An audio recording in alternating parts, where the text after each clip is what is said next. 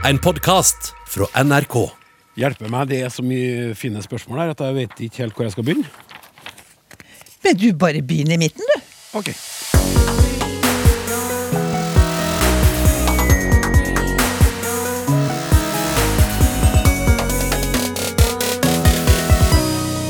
Hjertelig velkommen til Språksnakk, hvor vi også denne gangen skal snakke om språk, for det er jo det vi gjør. Men i dag er det du som hører på, som setter dagsorden. Vi vier nemlig hele den kommende timen til innsendte bidrag. Det er klart for Lytterspørsmål spesial. Panelet i dette vårt eget, skal vi kalle det Babels tårn, som skal forsøke å gi svar etter beste evne, er språkforsker Ellen Andenes, språkforsker Terje Londal og språkforsker Stian Hårstad. Velkommen til dere. Tusen takk. Takk. Terje, siden det er første gangen du deltar i Språksnakk, så får du første spørsmål. Send til oss per e-post til snakk.krøllalfa.nrk.no. Nå kjører vi bare på. Hei!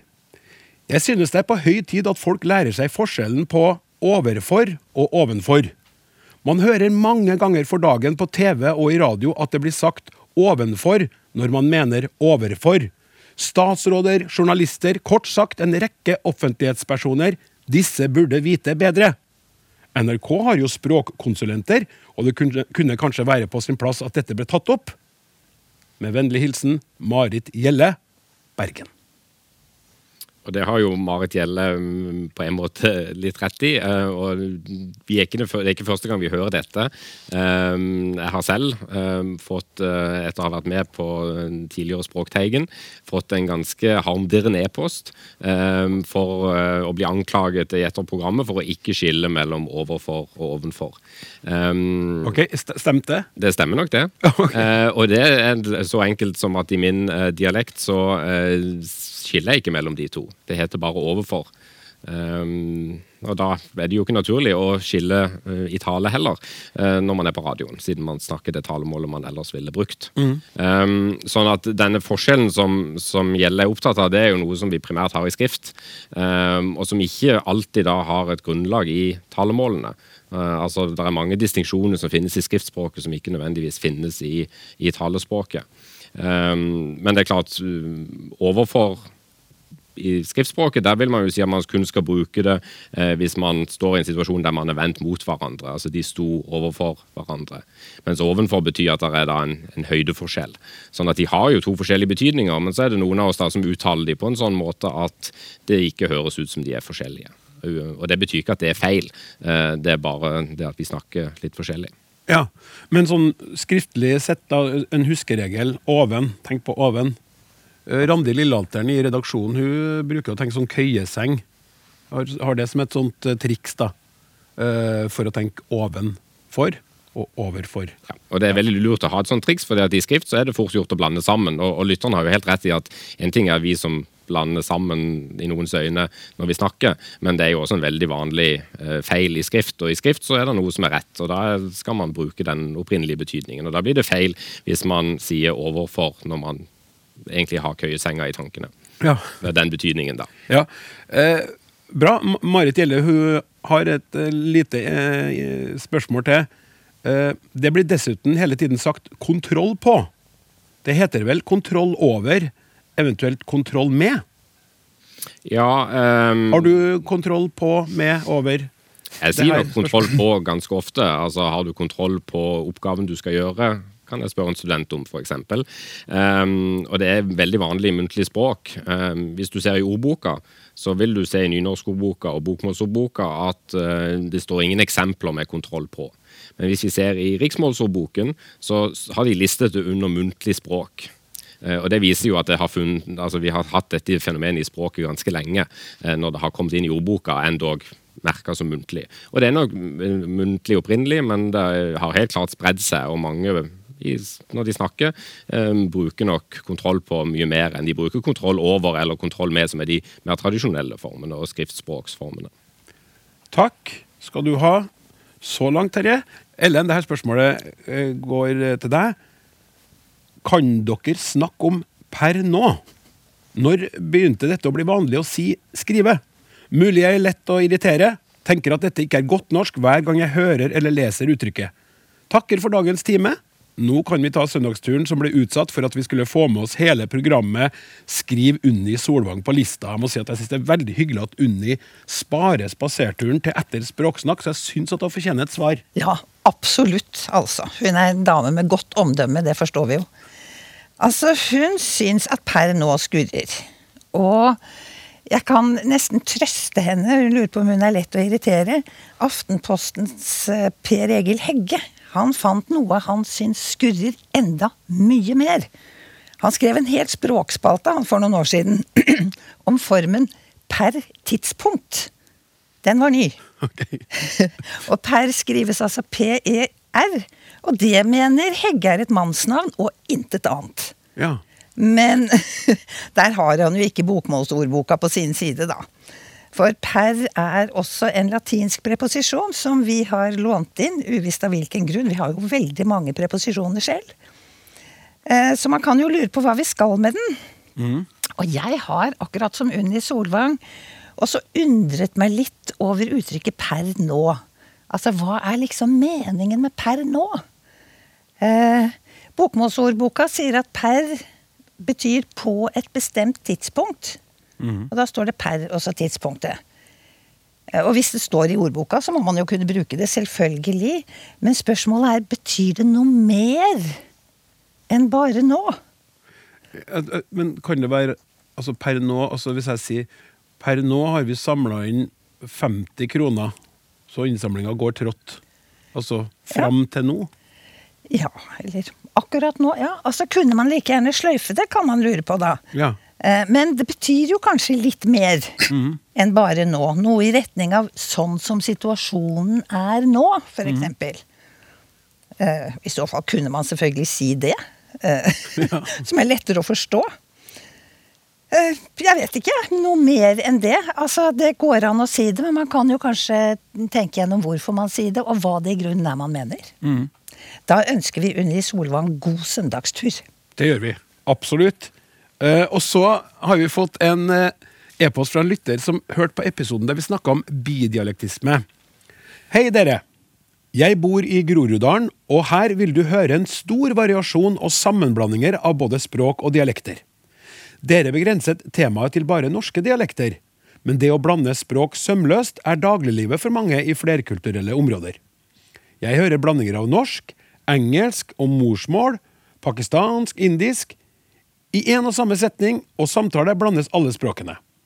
I tillegg kommer alle varianter av kebabnorsk og slang og andre setningsoppbygginger blant andregenerasjons nordmenn. Ta T-banen og lytt. Her er det mye spennende å høre. Skriv Linda Mo til oss. Stian, hva tenker du om dette innspillet? Nå har jo ikke vi T-bane i, i Trondheim, men poenget er jo tydelig. Mm, jeg vil gjerne ta T-banen og lytte, for det er et fantastisk interessant område for oss språkvitere. Grorud og Groruddalen altså nordøst i Oslo, et bydel, område som er spesielt eh, kjent for en, et mangfold. Kulturelt, etnisk og språklig òg. Masse interessant der. Det er nå skjedd litt forskning, men det er fortsatt utrolig mye å ta tak i. Og det som man snakker om med bidialektisme, det er jo, som må her påpeke, bare et, et, utvalg. Det er jo også eh, gjensidig forståelige varianter av norsk, da, som eh, var eksempelet da. Men som sagt, det er bare et eksempel på forskjellige sånne eh, samliv, språklig samliv hos en og samme person. Og i det området her, som er sånn si, språkintensivt, mangfoldsintensivt, som i Groruddalen, så er det mange andre former for, for sånn språklig samliv hos den enkelte, altså på individnivået. Og da går det utover eh, det som vi kaller dialekter, så som er gjensidig forståelig. Det er språksammenblanding. Men så er det òg viktig at det er ikke bestandig at den som jeg da sitter og hører på på T-banen, er så klar over sjøl hva det er for noe som blir sammenblanda.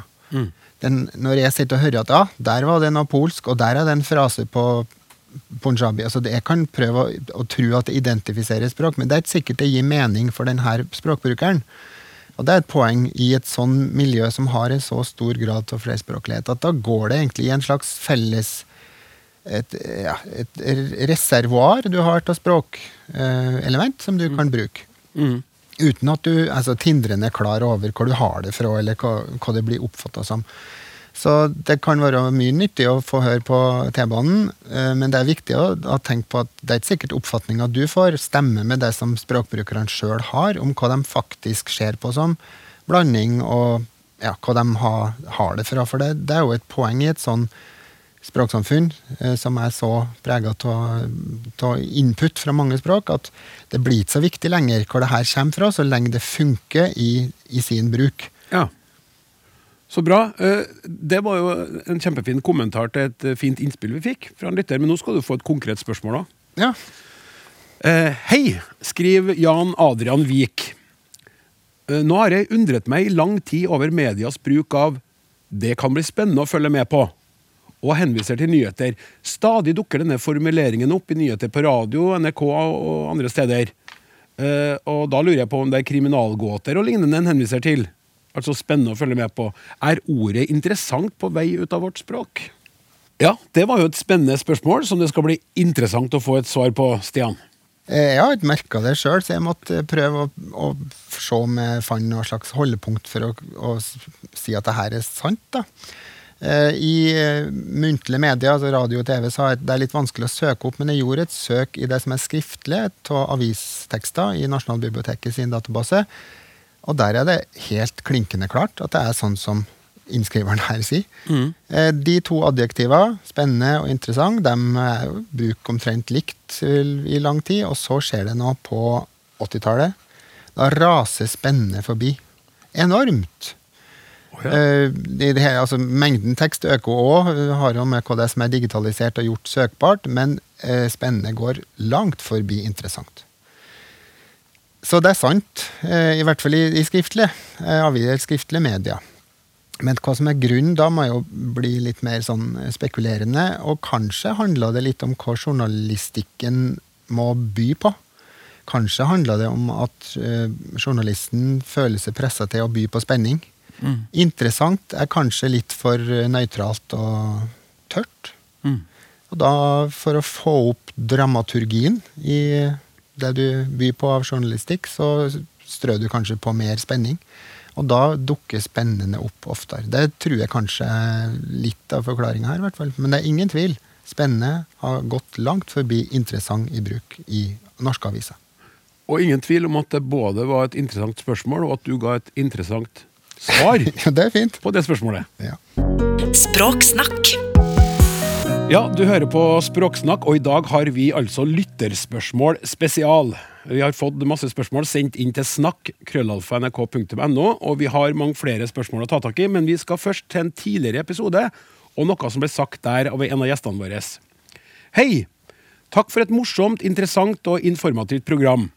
Refererer til podkast fra 15.01.2021 i dette programmet nevnte tenoren Håvard Stensrud at han trodde ordet døgn var et særskandinavisk fenomen som ikke fantes på andre språk. Denne påstanden har jeg hørt flere ganger tidligere.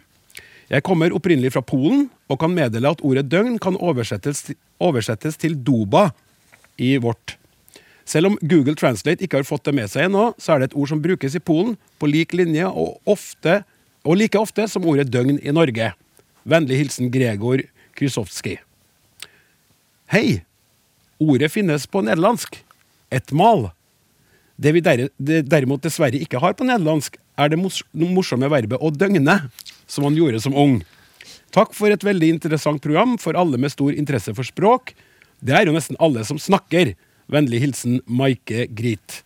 Og da sier jeg Jekuye chibarzo. Hartelig dank. Hjelp. Tusen takk til dere. Og så skal vi innom en roman. Ja. Vi har fått inn en e-post fra Carl Erik Tande Bjerkås. Et sentralt ord i ei av fjorårets store bøker, Tore Renbergs 'Tollak til Ingeborg', er floren. Tenker at det betyr uthus, fjøs eller låve. Hva er mest presist, lurer han da. Og jeg kan bare si at den boka den er altså bra. Og jeg la jo merke til floren for første gang, så jeg det ordet da har jeg lest den boka, sender spørsmålet over til deg, Ellen. Ja, akkurat. Og da må jeg starte med å si at jeg ble faktisk veldig skuffet da jeg ikke fikk den boka til jul. Ja. Ja, Så jeg gleder meg til å lese den. Ja. Men foreløpig så har jeg da lest meg litt opp på flor. For det har ikke jeg i min dialekt heller, men jeg snakker jo som en bok. Eh, Og da ikke som en Renberg-bok. Eh, altså, innsenderen her, han foreslår uthus eller fjøs eller låve. Og det jeg fant ut, da, det er at i noen dialekter så brukes flor som navn på gjødselrena bak kyrne i fjøset. Eller om husdyrrommet i en driftsbygging på et gardsbruk. Og dette står også i nynorskordboka, da. Eh, og det er jo det at husdyrrommet, det var eh, gjerne lagd av tømmer, og det var lunt og varmt. Også om vinteren. Sånn at eh, floren den var nok mindre enn høyrommet i driftsbygningen. Der måtte være kjølig, ikke sant? Og litt vindfullt. Eh, Men altså, når spørsmålet er hvilket som er mest presis, så tror jeg vi ser bort fra gjødselrenna og går for fjøs. Ja. Rett og slett. Ja, Det står også i Einar Haugens utsøkte norsk-engelske ordbok, som jo er bygd på dialektene. Eh, og han oversetter det med cow barn, altså et kufjøs. Ja. Eller en kulåve, hva man vil kalle det. Kult. Ja. Ja. Terje, her er en e-post til snakk.krøllalfa.nrk.no fra Carl Reksten Tellefsen. Hei! Som mangeårig lytter av Språkteigen er jeg spent på dette nye språkprogrammet. Har hørt de første episodene nå, og gleder meg til fortsettelsen. I første episode snakket dere om det kjønnsnøytrale personlige pronomenet hen. Jeg skal ikke mene noe om objektsposisjon, men jeg reagerte på garpegenitivsformene dere foreslo. Man kan vel ikke si hen sin eller hen si? Da forsvinner jo hele poenget med et kjønnsnøytralt pronomen. Om man skal bruke garpegenitiv, må man bruke hen sitt, men det enkleste er vel hens, og da som possessivt determinativ, og ikke som den gamle ordklassen eiendomspronomen. Jeg er krenket! Smilefjes med stjerneøyne, siden jeg har hørt den andre episoden også. Ja, Terje, hva du tror? Ja, Dette er jo et tema som man kan si veldig veldig mye om. Altså Det berører veldig mange ulike problemstillinger. Men, eh, men eh, siden vi ikke har all verdens tid, så kan vi ta kortversjonen i dag. Um, og den, eh, Det første er vel egentlig å si at det er et godt spørsmål fra, fra lytteren, og at lytterens eget forslag er bra. Hens er en fin og enkel måte å løse problemet med. Eller problemet på, um, bør man kanskje si. Um, Men så er det jo noen av oss som ikke har sånne S-former da i talemålet vårt. Så hva skal vi gjøre? Vi som gjerne kommer fra kystområdene sørpå, men også mange andre steder, eh, som sier sin eller si eller sitt. Så vi sier ikke mannens bil, vi sier mannen sin bil, eller mannen si bok og mannen sitt hus. Um, og denne sin-formen er i spredning i Norge, og erstatter egentlig denne S-formen. Sånn at for mange er det ikke naturlig å, å si hens, så vi må si noe annet da. Um, og for oss så vil vi måtte si hen sin bil, hen si bok, eller hen sitt hus. For det er nemlig sånn i norsk at uh, ut, altså om det er sin, sitt eller si, bestemmes av substantivet som kommer etterpå. Så det har ingenting med hen å gjøre. Uh, og derfor så, så, er det faktisk ikke et problem. Altså Det har ikke noe med kjønnsnøytrale pronomen å gjøre at vi bruker sin, si eller sitt. Det er da det substantivet etterpå som bestemmer det. Uh, så vi må si hen si bok. Eh, hvis bok i vår dialekt er hunnkjønn, eh, da har vi ikke noe valg. Eh, og de som bare har to kjønn, de må si hen sin, sin bok og hen sitt hus. Sånn at det følger det norske grammatiske systemet ganske bra, egentlig. Dette nye pronomenet. Det tilpasser seg det systemet som allerede finnes, og vi trenger ikke finne på noe nytt, selv om vi har fått dette pronomenet. Nei. Takk for det.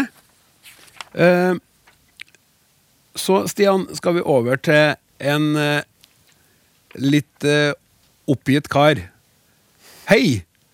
For tiden har vi sjanse til å Eller sjanse for å bli smittet med covid-19. Litt av en sjanse! Sjanse later til å være det eneste gjenværende og fullstendig verdinøytrale i hermetegn. Ordet for anledning, mulighet, risk, risiko, høve, for å ta de som faller meg inn i øyeblikket. Jeg vil i alle fall påstå at sjanse og risiko er to ord med motsatt verdi.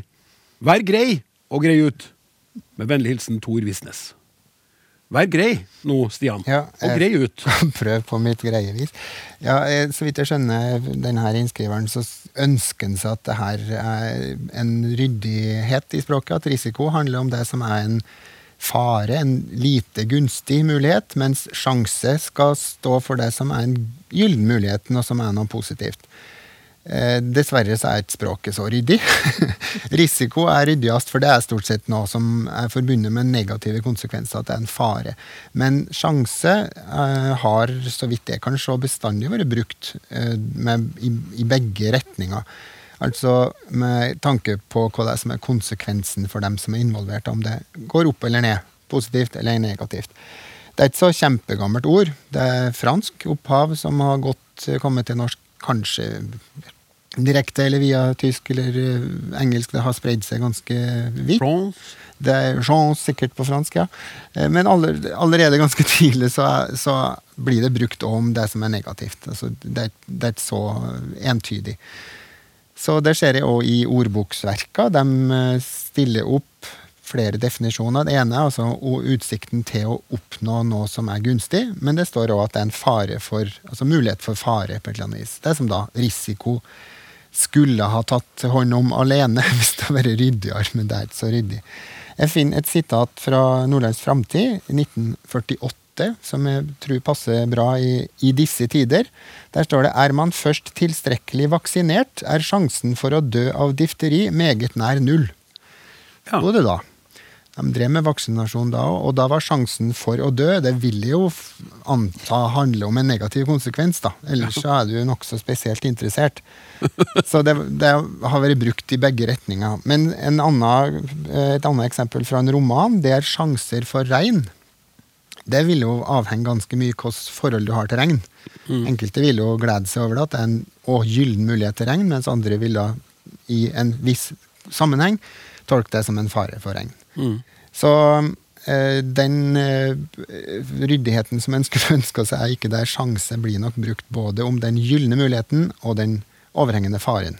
Ja. Men man kan jo kanskje si at han har et poeng i forhold til at det er ganske få ord som brukes Altså at sjanse brukes oftere. Man kanskje kunne ha satt inn noe annet.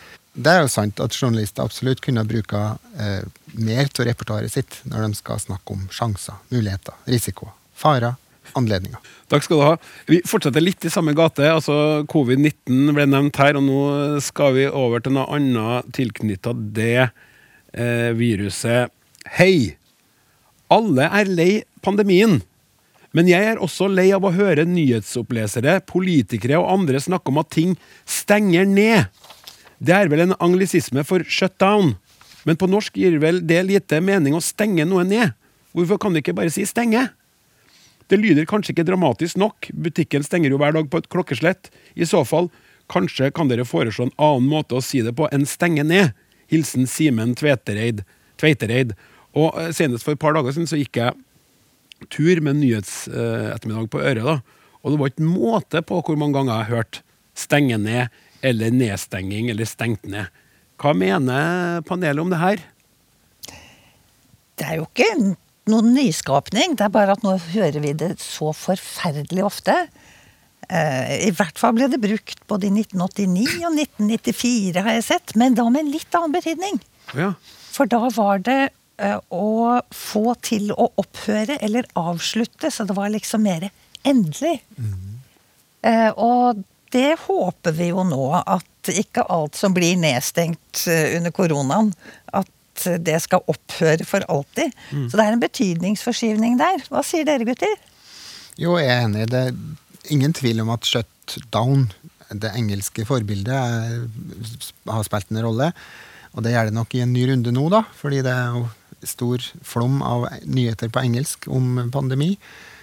Men jeg har sjekka litt sånn i arkiv, og da er det fra 80- og 90-tall så er det brukt om at nå blir altså et, et eh, anlegg blir stengt ned, og da er det eh, ja, for alltid. Da er det nedlagt. Mens nå blir det jo kanskje brukt eh, mer likt at det blir stengt for ei stund. Sånn som en butikk blir stengt for en stund. Så en kunne jo tenkt seg at stenge ned er et, en styrkegrad sterkere. Men samtidig så er den ikke så sterk som den da var kanskje da det først kom i bruk. For da er det snakk om at noe blir avvikla, at noe blir opp, at noe opp, opphører.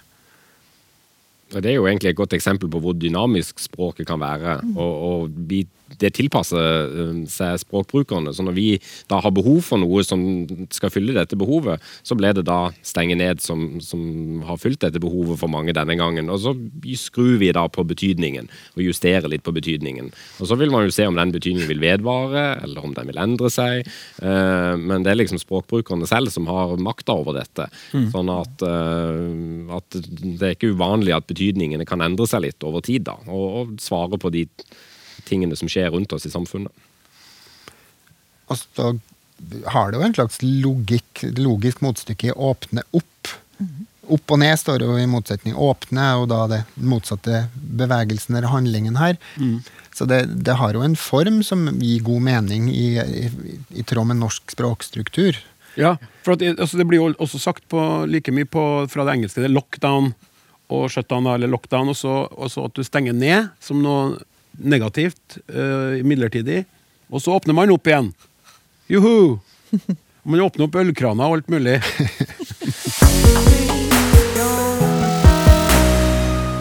Så skal vi over til Wenche Skei i Tromsø, som skriver Er det eh, snart på tide å bruke norsk på yrkestittelen i eh, hermetegn influenser? Nå omtales denne yrkesgruppen med positiv undertone, men hvis media går over til å bruke påvirker når disse menneskene og deres meninger refereres, kan man kanskje håpe tonen blir litt annerledes. Og da er vi i hvert fall ingen tvil om eh, hva Wenche syns om eh, influensere, men eh, det er vel for det første sånn at det med å ha hermetegn på yrkestittelen må ta bort nesten hermetegnene. Er det ikke blitt et yrke, da? Det fins i hvert fall eksempel på at eh, det er en vei å velge seg utdanning eller eh, ja, en karriere som influenser. Ja, det fins eksempel på det. Mm. Og det er jo et sånt tegn på at et eh, begrep blir stuerent. Det er når eh, anførselstegna forsvinner. Det gjelder mange ord. Da har det begynt å, å, å sette seg. Eh, Jeg har ikke så god greie på egentlig hva en influenser gjør, og i hvert fall ikke hva en influenserutdanning er for noe, men som ord er det jo for så vidt forma òg etter gode, gamle prinsipper, sånn at eh, det har jo en form som er gjenkjennelig. Eh, Men det er òg gode grunner til å tenke seg at det går an å fornorske det og bruke påvirker. Men så spørs det om en influenser er fornøyd da, med at det skal bli omtalt som påvirker, for det høres kanskje mer ja, manipulativt ut, eller eh, det det har en annen valør, en annen klang. Ja. Jeg kikka litt på et eh, Blant annet på et sånt influenserforum eh, i går. Hvor influensere da diskuterer med hverandre. Og der var det mange forslag til avløserord. Eh, Men det var sånn som opinionsleder og trendsetter og sånn. Eh, Jeg vet ikke. Altså eh, som Stian sier, så i og for seg så vi kan godt si influenser eh, på norsk. Det er, ikke så, det er ikke så vanskelig å si det. Men det er jo ugjennomsiktig. Og jeg er ikke så glad i ugjennomsiktige nyskapninger. Jeg liker veldig godt at det går an å skjønne hva ord betyr, uten å skulle gå omveien om eh, et annet språk. Ja, for, for på engelsk, da, influencer, eh, altså influensa, influencer, influencer ja. Da, da skjønner man jo mer hva det går på. Så det har forsvunnet litt eh, på norsk, hva det egentlig handler om å påvirke. sånn sett, fordi at, Så vidt jeg har forstått, jeg da, jeg er jo litt på Instagram, og sånn, og der er det noen influensere som opererer. De prøver jo å påvirke oss som er innom dem, til å handle produkter og følge deres eh, råd og innspill på helse og trening og mote og alt mulig annet. Men det er jo også veldig vanlig at vi får um, at engelske ord kryper inn i språket på den måten. Det har vi jo sett veldig mange uh, eksempler på. Um, og da er jo spørsmålet hvor ugjennomsiktige blir de egentlig? Når vi vet at veldig mange har så høy kompetanse i engelsk at de kanskje da bruker den engelskkompetansen når de da forstår dette begrepet. Det er ikke et forsvar for å bruke influenser på noen måte, men, men det er mulig at, at dette begrepet ikke er så ugjennomsiktig for folk som, eh, som det kanskje ville vært for 20-30 år siden. Det kan nok hende at det er den målgruppa som influensere har, nettopp er dem som har lettest for å skjønne hva det her begrepet er for noe, fordi at de kjenner det allerede fra engelsk.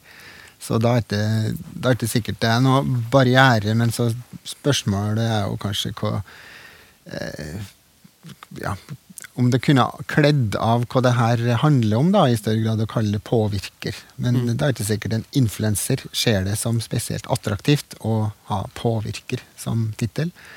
Fordi det kanskje undergraver litt av virksomheten. Det, jeg så også at det er forferdelig mange unge mennesker som veldig gjerne vil bli influensere. Og eh, det skjønner jeg jo godt, for det kan ligge masse, masse, masse penger i det. Og det er mye innholdsmarkedsføring som går den veien. Eh, jeg vet ikke om det ville hatt samme appellen hvis, det, hvis man skulle si 'jeg vil bli påvirker'. Jeg vet ikke. Nei. Men det hadde vært veldig artig å prøve, og så se hva som skjer. Ja, for det er akkurat det. Har, vi, har man mulighet til å påvirke på en måte som gjør at påvirker kan bli eh, ordet man bruker istedenfor influenser? Er, er det slaget tatt for lengst? Det er jo akkurat det paradoksale her, at det er dem som da antageligvis skal ha den muligheten til å, å styre språkutviklinga. Det er dem som vi nå sitter og snakker om. Eh, Så da er det jo eventuelt influensere som må prøve å påvirke oss til å kalle dem noe annet. Og det går vel kanskje imot eh, egen interesse, da. Men det kan jo betales for, altså De betales jo ofte for å promotere bestemte ting. Så hvis det finnes en velgjører der ute som har lyst til å påvirke det språket, så kan man jo kanskje betale noen influensere for å, å promotere påvirker som begrep. Ja. Strålende idé. Språksnakk i appen NRK Radio. Språksnakk er programmet, ja. Og eh, vi har lytterspørsmål spesial i dag. Hele programmet er bygd opp rundt spørsmål som dere lytterne har sendt inn til snakk.krøllalfa.nrk.no. Og vi går over til et uh, nytt spørsmål her. Hei, dere i Språksnakk. Takk for et interessant og artig nytt program. For et par programmer siden tok dere opp dette med objektsform, uh, skråstrek høflighetsform av personlige pronomen. Noe som jeg hører mange si nå, er hun i stedet for henne. Dere sa at å bruke de, som i f.eks. 'jeg skal si fra til de', er nok en endring av språket som er godtatt nå. Men når hun blir brukt på samme måte, skurrer det skikkelig for meg. Som 'jeg skal si fra til hun', eller 'jeg skal spørre hun om det'. Er det fordi det høres finere ut å si hun enn henne, tro? Vil gjerne høre deres mening om dette. Vennlig hilsen Berit. Og jeg kikker bort på deg, Ellen, og lurer på om du har et svar. Ja, hva skal vi si da, Berit? Altså, hva som Hva skal vi si til hun? Hva skal vi si? du vet at jeg er så veldig, veldig gammel, så jeg sier, eh, jeg sier til henne. Til henne vil jeg si at hva som lyder fint og ikke, det kommer ganske mye an på hvor du bor. Altså hva som har høy status og ikke. Um, men da jeg studerte sosiolingvistikk for meget lenge siden, da fikk jeg en forklaring som antyder eh, Nei, som lignet på nettopp den du antyder. At folk var redde for å ikke være fine nok. Og derfor helgarderte på en måte med å bruke hun eh, og de i objektform. Og det kan man jo tenke seg da, dersom en eh, lokaldialekt som ikke har spesielt høy status, har et sammenfall mellom subjektform og objektform. Eh, dem kom fram før oss, for eksempel. Eh, eller henne kom fram før oss. Da kunne man tenke seg at eh, folk nettopp helgarderer ved å legge seg nærmere opp til det som er standarden, det som har høyere prestisje, og det er jo da ofte standard bokmål, da. Eh, Ja, det kommer an på hvor du bor, som sagt. Mm. Sånn er det jo mange steder, og da kan disse formene brukes til skille mellom kategorier av språkbrukere. Men en alternativ forklaring, det er jo at bevegelsen i språket, eller bevegelsene, går jo generelt i retning av forenkling. Det skal vi alle være glad for. At ikke vi må ha så mange kasus som vi hadde før, f.eks. Og et system som ikke skiller mellom subjektsform og objektsform, det er jo enklere enn et system som har dette skillet. Så jeg tror jeg bare eh, vil eh, konkludere med at pronomensystemet vårt er i bevegelse. Og det blir nesten som en føljetong. Og dette knytter seg jo også an til et litt eh, større spørsmål, for lytteren spurte jo også om, om det er godtatt uh, å, å, bruke ja, Noen av oss har da bare én form, altså ho som objektsform, f.eks. Og det reiser jo et større mm, spørsmål knytta til hvem er det som bestemmer hva vi kan si og ikke si.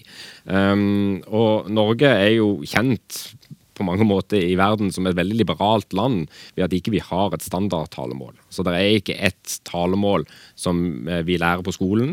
Eh, men tvert imot så har vi rett i loven til å bruke dialekten vår. Og det er faktisk læreren som skal tilpasse seg eh, dialekten til elevene, det er ikke motsatt. Mens i de fleste andre land, Tyskland, Italia, som gjerne har mange dialekter, så er det sånn at man, eh, man lærer å snakke standardtalemålet.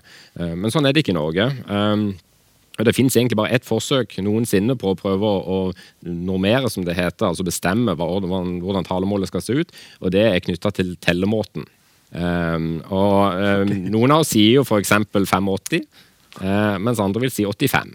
Ja. Um, og Telegrafverket i 1949 Um, fant ut at det var veldig tungvint når folk sa 85, for da kom ikke tallene i samme rekkefølge uh, som de skrives.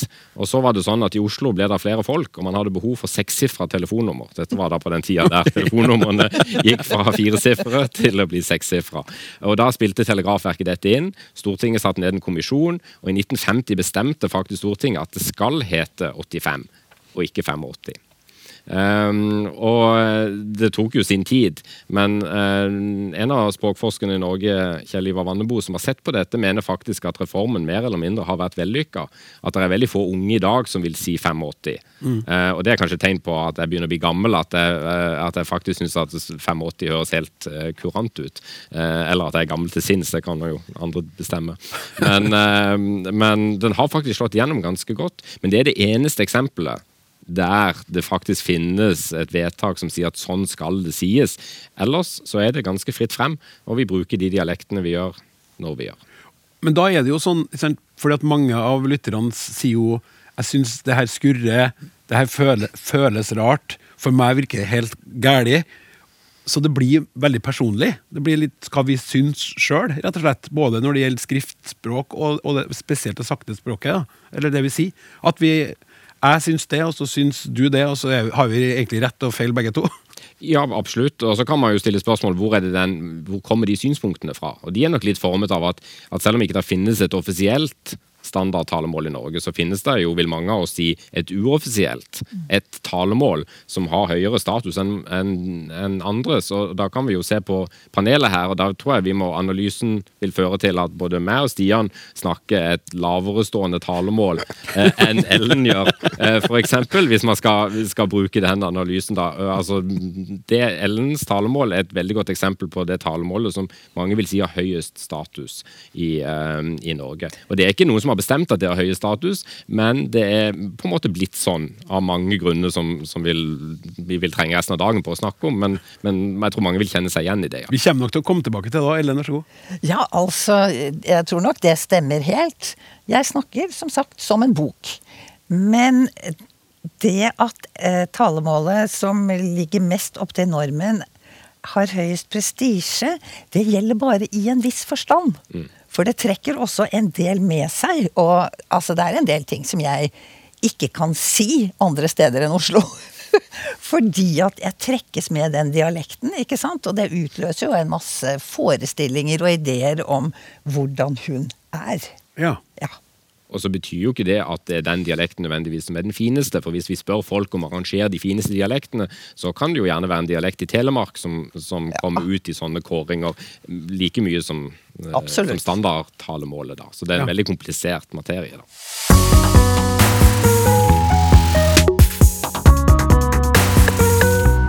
Hei!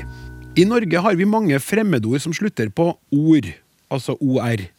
De mest brukte har kanskje blitt så innbakt at vi overhodet ikke tenker på dem som fremmedord lenger. Traktor er vel kroneksempelet, men også investor, kommentator, professor, sektor, gladiator osv. osv. Som finnmarking har jeg minst siden 1990-tallet moret meg litt over at mange østlendinger av uvisse grunner skifter trykk på et, et enkelt av disse ordene når det bøyes fra entall til flertall. Investor Investoren blir til investor, investorene. I det siste har jeg imidlertid lagt merke til at dette fenomenet har spredd seg.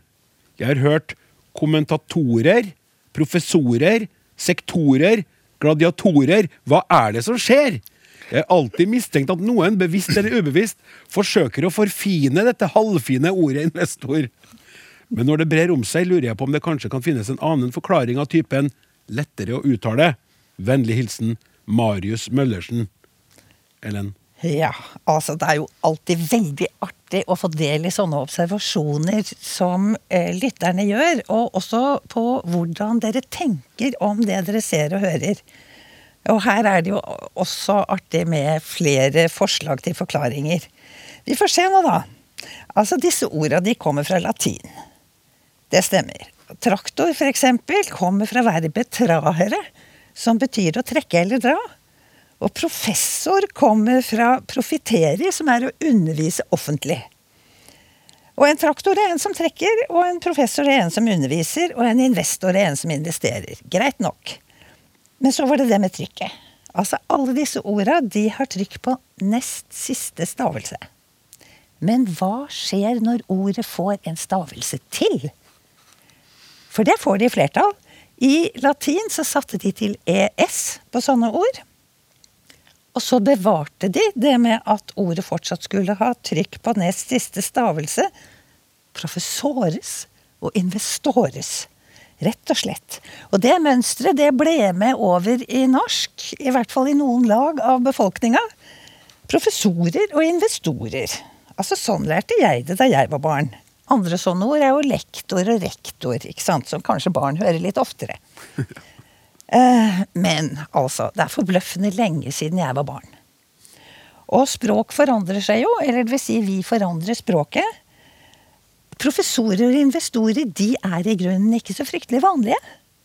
I hvert fall ikke så vanlige som traktor. Fins mange flere av dem. Vi hører ikke veldig ofte noen si traktorer eller motorer. Men i bokmålsordboka så står faktisk den formen også, altså. Ja.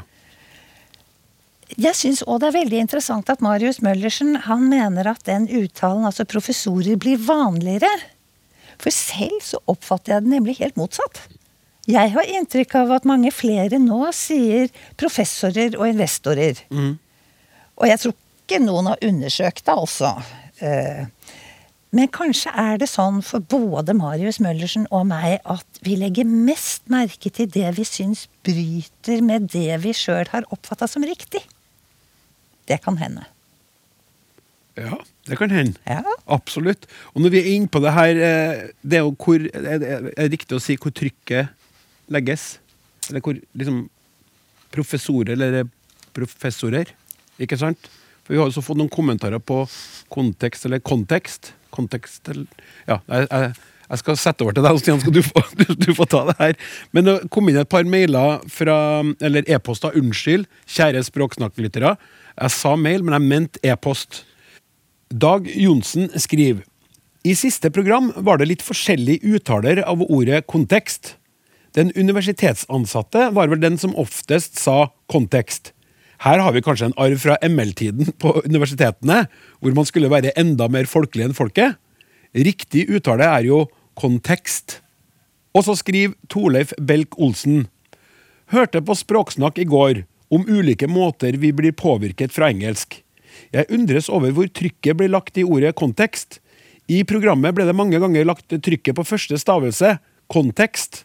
Fra gamle dager, da jeg studerte teologi, var vi vant til å undersøke konteksten når vi leste bibeltekster, og da ble alltid trykket lagt på andre stavelse, slik, kontekst. Jeg lurer på om uttalen med trykk på første stavelse har smittet over fra engelsk. Stian? Ja, mange interessante poeng der. Og det her er jo da beslekta som eh, investorene og trykkplassering. Det handler om det.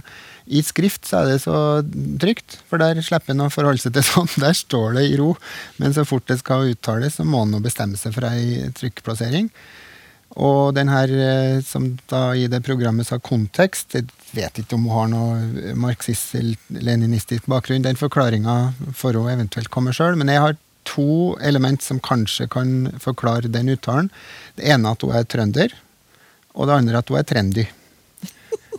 Og det første poenget eh, handler om at det er ganske lang historikk med hvordan eh, låneord har fått tildelt trykkplassering i talemåla. Og det østnorske, som altså er både trøndersk og Østlandet, har i all hovedsak holdt på det som er et hovedmønster i trykkplasseringa vår. For du kan si kontekst høres utrolig framtungt ut, og det er det sånn i, i det trønderske og østlandske framtungt.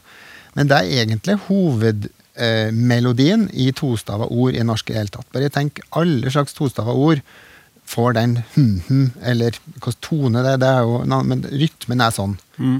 Banken, ja, kasta Det er liksom første biten som får eh, mest vekt.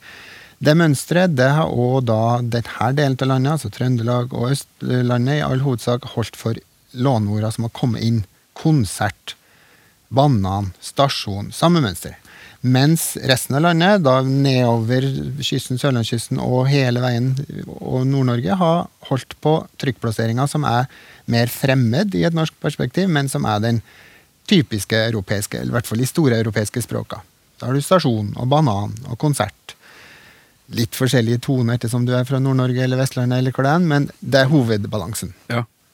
Så eh, det ene er altså at den her, eh, som var med i det programmet som sa kontekst, det kan ha litt med saken å gjøre. Men så er det ikke helt så enkelt til. For da har hun kommet til å ha sagt kontekst. Hører dere forskjellen? Mm. Kontekst. Kontekst. Det mønsteret hun bruker, kontekst, som jeg ville ha brukt, det har nok faktisk mer med engelsk å gjøre. Der er det altså ei trykkplassering som eh, bryter med det som vi venter i sånne latinske, franske, romanske språkinnlån men som da stemmer med en rytme fra engelsk i mange ord. Mm. Så det har nok denne eh, innskriveren òg rett i, at den tida kontekst var et helt spesialisert ord som faktisk er langt innover på 1900-tallet. Kon kontekst har ikke blitt så mye brukt før kanskje 70-tallet. Så var det kontekst så har da sannsynligvis eh, forskjellige tekstfag, forskjellige skolefag begynt å bruke kontekst, og så har det blitt trykkplasseringa. Jeg tror vi allerede har eh, lånt inn i tidligere programmet når det er snakk om influenser, så har vi samme trykkplasseringa. Så kunne ja. sagt en influenser. Men influenser er jo den engelske fryktelig framtunge eh, trykkplasseringa. Og så har vi det samme i syntaks, som òg har en fortid som syntaks. Eh, transit, transitt, volum, volum. Der, sånn kan vi egentlig holde på hele dagen. Sånn kan det faktisk. så det er så, så entydig som det mønsteret som Ellen snakker om med de her ordorda, ja. som er latinsk. De har liksom et mønster som har holdt seg, så begynner det å, å, å hoppe litt rundt på trykkplasseringa.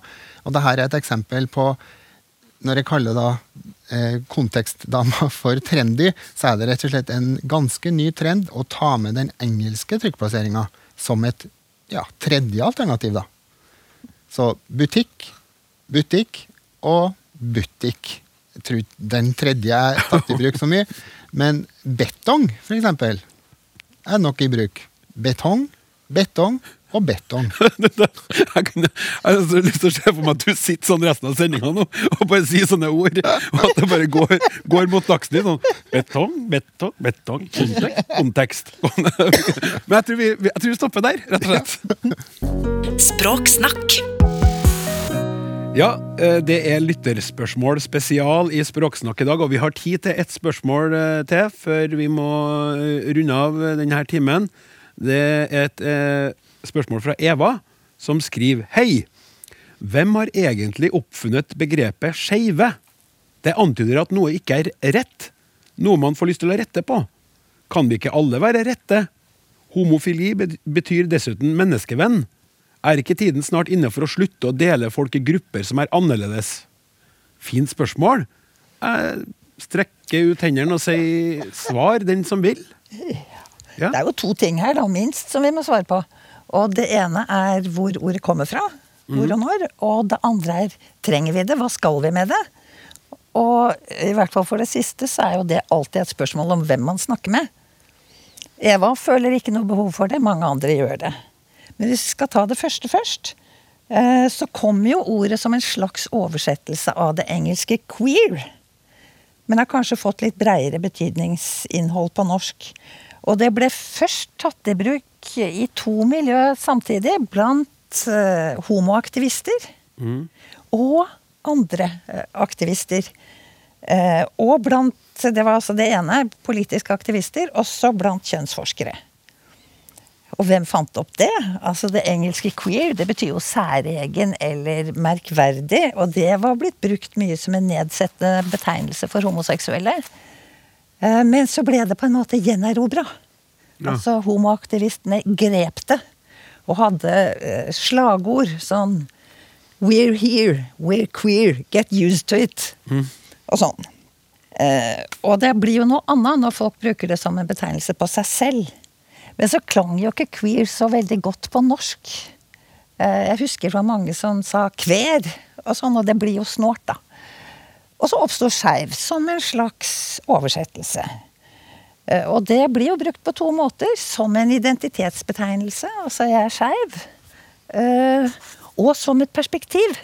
Og de to på en måte faller sammen ofte når i hvert fall når unge aktivister kaller seg selv skeive. Så For det første så er det veldig mye åpnere, mye rommeligere. Har plass for mye mer mangfold enn en, og også for mye mer bevegelighet enn eh, homoseksuell, biseksuell og de kategoriene der. Og for det andre så er det skeiv er på en måte en kategori uten noe definert innhold, annet enn at det er en opposisjon mot eh, fastsatte eller tradisjonelle normer. Så det er mer en posisjon, kanskje, enn noe annet. Det er jo et godt eksempel på hva tro at språket først og fremst skal brukes til. Det er jo å sette merkelapper på ting, og, og få til kategorier på alt som fins. Det føler oss et voldsomt sterkt behov for. og det er, altså Hvis det, du oppdager et nytt insekt, så må det få navn. For det er først da det fins for oss.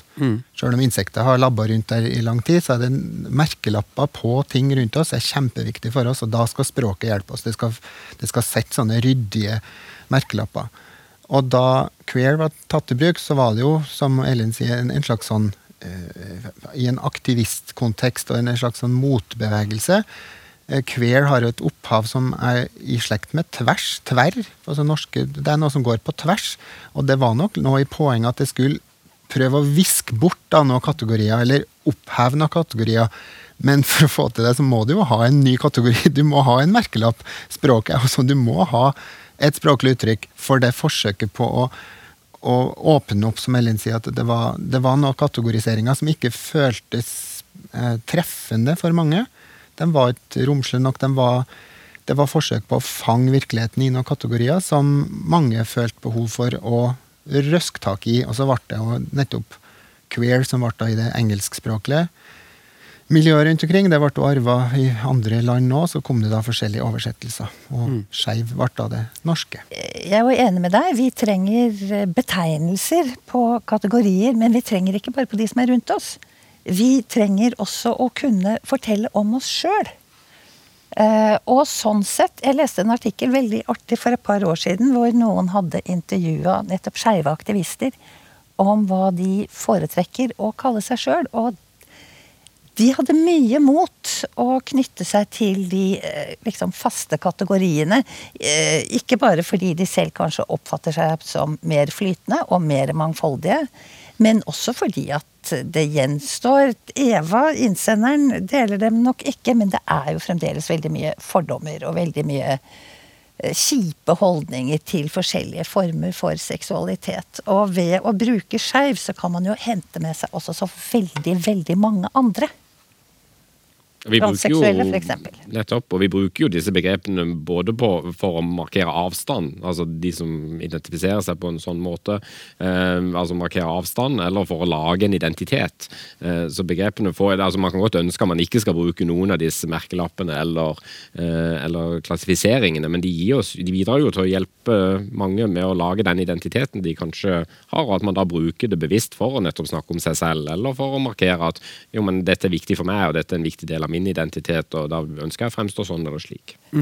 Altså, det er jo litt sånn Jeg blir jo veldig lei meg, jeg, hvis ikke jeg blir gjenkjent som kvinne i Norge. Hva vi egentlig skal med kvinne og mann, det er også kategoribetegnelser.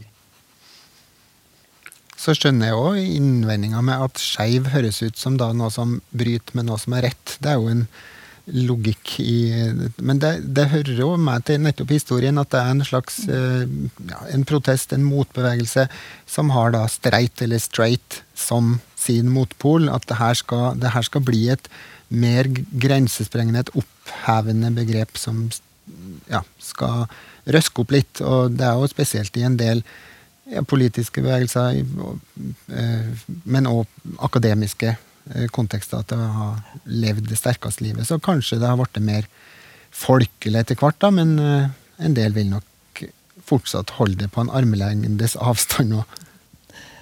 For, men det kan vi oppsummere da med at den som sjøl ønsker å si at henne skeiv, har rett. Absolutt. Absolutt.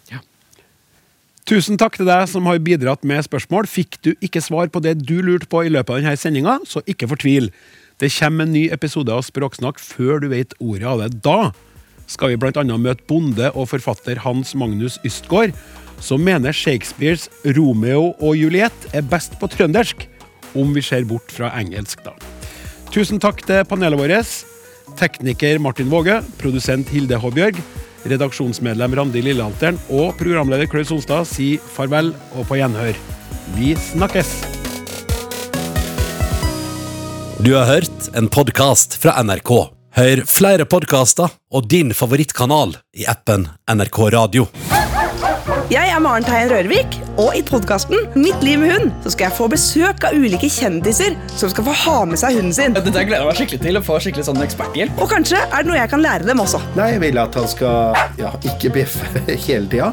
Kan vi snakke om noe ekkelt? Den liker å spise bæsj, og særlig menneskebæsj. Oh. Hør podkasten Mitt liv med hund i appen NRK Radio.